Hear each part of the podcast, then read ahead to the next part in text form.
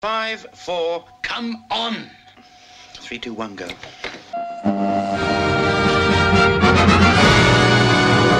Good evening, ladies and gentlemen. Tonight, live from New York, the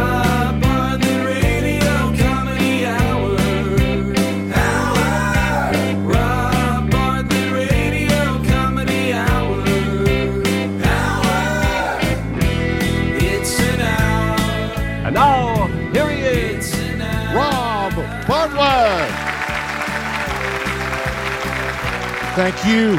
Thank you, boys and girls. Welcome to the Rob Bartlett Radio Comedy Hour. I am Rob Bartlett, and this is my Radio Comedy Hour. You have chosen wisely. Yes, you have. Yes, indeed, you have. Chosen wisely. You you had a choice between thousands upon thousands of podcasts, and you chose to download and listen to this one. And for that, I am deeply, deeply grateful. Uh, we got a great show for you. Today I settle all family business. This week is the 55th anniversary of the Beatles on Ed Sullivan. Their debut in America on The Ed Sullivan Show, February 9th, 1964. Everybody always says, Do you remember where you were when you first heard the Beatles on The Ed Sullivan Show? And um, yeah, I was um, 37 years old. I was at the recruitment center joining the Navy and remember it just like it was 55 years ago. This week, the show is brought to you by Peerless Boilers uh, our good friend Pete Morgan, I guess senior vice president in charge of the whole shebang. I have a peerless boiler, and I wouldn't say this if it wasn't true. You're, you're not going to do any better. You're really not. They have high efficiency boilers that are Energy Star certified, which uh, I guess means the government controls it so that you're not wasting a lot of energy and it's leaking out onto the street. They're made out of cast iron or stainless steel. They have hot water heaters and boilers, steam systems, gas or oil. They have a full line of Peerless Partner indirect fired water heaters. I'm telling you, they have installers wherever you are. They have licensed installers that they call upon to install it into your house. And when we had ours done, we had the most amazing guy who had to take it apart in the driveway, bring it down into the basement, and reassemble it because he couldn't get it through the door and couldn't get it down the stairs. took him a day, a whole day to do it, but it was great. Called upon him a couple of times to do some plumbing work since. So they don't they don't trust these boilers to just anybody. Whether it's residential, commercial, gas or oil, boiler, hot water heater, they have 27 different models to choose from. Go online, go to peerlessboilers.com and you can see exactly what you're going for. Some of them look like they're pieces out of the Millennium Falcon. It's a brutal winter. It's going to be brutal. I know, you know, a couple days ago it was like 70 and, and now it's like 15, but it's going to be like that back and forth. And, and when it's 15, you're going to want to have a Peerless boiler. You want to stay nice and toasty warm inside. It's like the, the ant and the and the caterpillar, whatever, the whatever it was. It's one of those fables. Be be the warm, happy ant sitting on your ass watching TV in, in, in the toasty warmth provided by your peerless boiler. Last Thursday, I uh, had a gig in Delray at the Crest Theater down uh, in Old School Square in Delray Beach, Florida. We had a lot of fun. A lot of people turned out. I was a little concerned because I got to say, on the way down on the plane, I, I started to fear the worst because, you know, JetBlue out of JFK, and no matter how many times you fly, it's always an enormous pain in the ass. But this one was particularly challenging. There were, and I'm not exaggerating, 17 people in wheelchairs waiting to get on the flight. And, you know, obviously they get on first, as they should, but you know, I got the the extra room seat because I'm a big fella, need that extra leg room. I wish they'd sell an extra ass room seat, but th- that's another thing.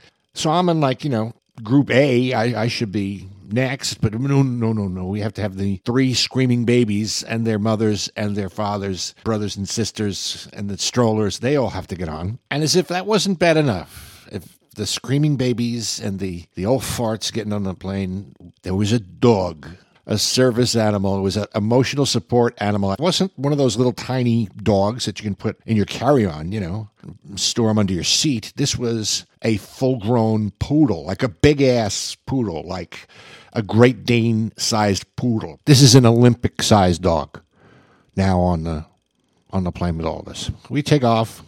Every old bastard on the plane starts complaining. They're all bitching and moaning about how cold it is and turn the thing down and the sun's in her eyes and I can't get my TV to work and why do I have to pay for a drink? It's just, and then the babies start crying. And then uh, And then the poodle decides to take a dump the size of a bowling ball just to round out the joy of flying. One thing I, I, I got to say about Florida, though, they have a much better class of homeless person than we do here in New York. I mean, they're tan, first of all, and then uh, instead of shopping carts with their belongings, they have they have Prada shopping bags to put their stuff in, and they wear Bruno Magli shoe boxes on their feet. You know, uh, sit on Atlantic Avenue with a sign, "Will Detail Jaguar for Black Truffles." I mean, very very upscale homeless people. And I kept thinking that you know, homeless person that's such a bad image. It's a bad bad brand. It's it's a, it's very poor branding. So I thought, you know, maybe it should be like a branding expert to go and like approach some of these homeless people and try to get them to change their image. Can I can I have a couple seconds of your time? It doesn't look like you're busy. Um, Ed Feynman, uh, branding. It's what I do. I'm just saying, you know, I appreciate where you're at, but I think I have an idea for you. you take it for what it's worth instead of being a homeless person, why don't you set yourself up as a hobo? Right? I mean, hobos are charming. Red Skelton made an entire career out of imitating a hobo. You know, Emmett Kelly. You know, and instead of just pushing the shopping cart down the street, muttering to yourself, you ride the rails, enjoy the freedom of the road. You know, eat hobo jungle beans by the campfire with your with your fellow hobos. You know, you're a sad sack. Your belongings in a red bandana hanging from a bindle stick. I'm just thinking, you know, uh, give it a thought. Here's my card. Do you got a place to put it? I'm going to make him an offer he can't refuse. Okay. Personal plug time. Don't forget, we are on Amazon. That's right. Ruthless Spectator, the sketch comedy website that we've been doing for the past five years or so. We took some of the best stuff from that and reshot some stuff and then shot some new stuff. And we have a, a whole season. It's the best of Ruthless Spectator Presents. The whole season is on Amazon. And if you have Amazon Prime, it's free. Now, if you don't have Amazon Prime, it's still a deal because it's only three episodes. So the season is a short season. You can do a binge in one night. I think the whole season is four dollars and ninety nine cents, but it'll be yours to keep, and it makes a great Valentine's Day gift. You'll laugh until you stop, even if you're not a laugher. What have I ever done to make you treat me so disrespectfully? Also, you downloaded this episode. Why not just subscribe? Subscribe to the Rob Bartlett Radio Comedy Hour, and then that way, it'll always be there for you. When you have a new episode, boom, it's right there waiting for you, like an old friend. So subscribe, and and and then and then leave a review. You know, because when you leave a review, and, and of course, it's going to be a good review, right? Don't make me come out there. You leave a review, it makes it easier for other people to find us when they do the search. So you can get us on iTunes, Stitcher, Spotify, Google Play. You can get it off Libsyn, which is our new home on uh, Podscape. I don't know what the hell they call it. We're at robioradio.libsyn.com. R O B I O R A D I O dot Libsyn, L I B S Y N dot com. And you can get all the episodes there. I don't know, we're moving 35, I guess. You can listen to them from way back in June when we were doing it live in front of an audience. And then we, we did it in a studio, you know, like a, a radio show. And, and now I'm doing it in my kitchen because that's the beauty of podcasts. You're just sitting here with me in the kitchen, and we're just shooting the shit and hanging out and having a few laughs. So do that, and uh, and then you know it'll encourage me to do more of these, hopefully. Now, as I said before, this is the 55th anniversary of the Beatles on the Ed Sullivan Show, February 9th, 1964. You know, the Ed Sullivan Show, it was the greatest show. I don't know why they can't do something like this now. It would, I think it would be huge. You know, you had a you had a plate spinner, and you had Steve and Eydie, and then you had uh, Topo Gigio, a magician, and then the Beatles. I mean, it was just an amazing variety hour. And they would do like they would do scenes from Broadway musicals. Whatever the hit Broadway musical was at the time, you know, they were in New York, they would have the cast come on and, and do a number. I mean, when, we, when I was in How to Succeed, we actually did that on the David Letterman show in the Ed Sullivan Theater. we did the closing number of the show, the Brotherhood of Man, which was a killer number, and you can see that it's on uh, the YouTubes. We did it on the Today Show. We did it on uh, on the Tonys, and we did it on the David Letterman Show. You can check that out there if you if you didn't get to see the show. Anyway, I, I digress. Ed Sullivan Theater, Ed Sullivan Show. The Beatles, that was the big deal. If you've never seen it before, there is a DVD set of all the Beatles appearances. And what's great about the DVD is that it has the entire show, including commercials and including a number from a Broadway show, Oliver, which was a hit back in 1964. And here's a little bit of uh, trivia for you. A very famous pop star was actually on that first Ed Sullivan show with the Beatles. He was in Oliver on Broadway playing the Artful Dodger. And he wound up being part of another huge group a few years later, a group that was modeled on the Beatles, actually. Yes, I'm talking about the Monkees. Davy Jones. Davy Jones was on the same stage the same night as the Beatles at the Ed Sullivan Theater. So that's a good bar bet. I'm going to play the first song that they did on uh, on the show. And here they are, the Beatles, February 9th, 1964. All My Lovin'. Now, yesterday and today, our theater's been jammed with newspapermen and hundreds of photographers from all over the nation, and these veterans agree with me that the city never has witnessed the excitement stirred by these youngsters from Liverpool who call themselves the Beatles. Now, tonight, you're going to twice be entertained by them. Right now, and again in the second half of our show. Ladies and gentlemen, the Beatles.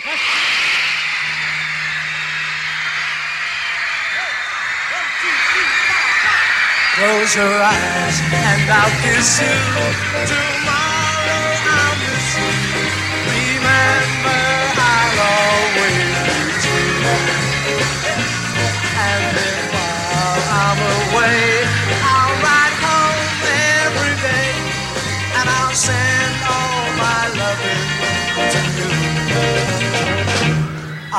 Pretend that I'm kissing the lips I am missing and hope that my dreams will come true.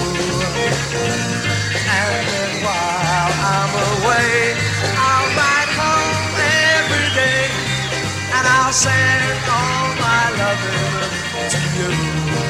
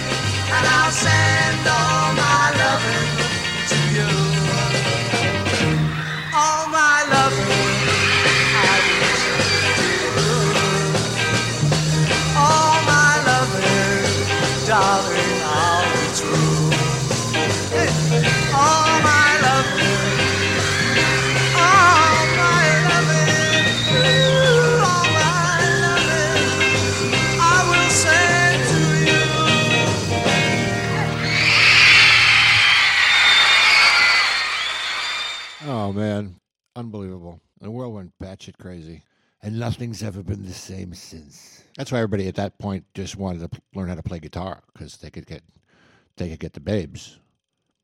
Of course, you know, I took up the violin, but that's another story, another embarrassing story. Speaking of embarrassing stories, Valentine's Day is this week, and I'll, I'll put it to you this way: I was I was an awkward kid, you know, kind of a nerdy kid, not a popular kid. I don't want to whine or anything. You can act like a man!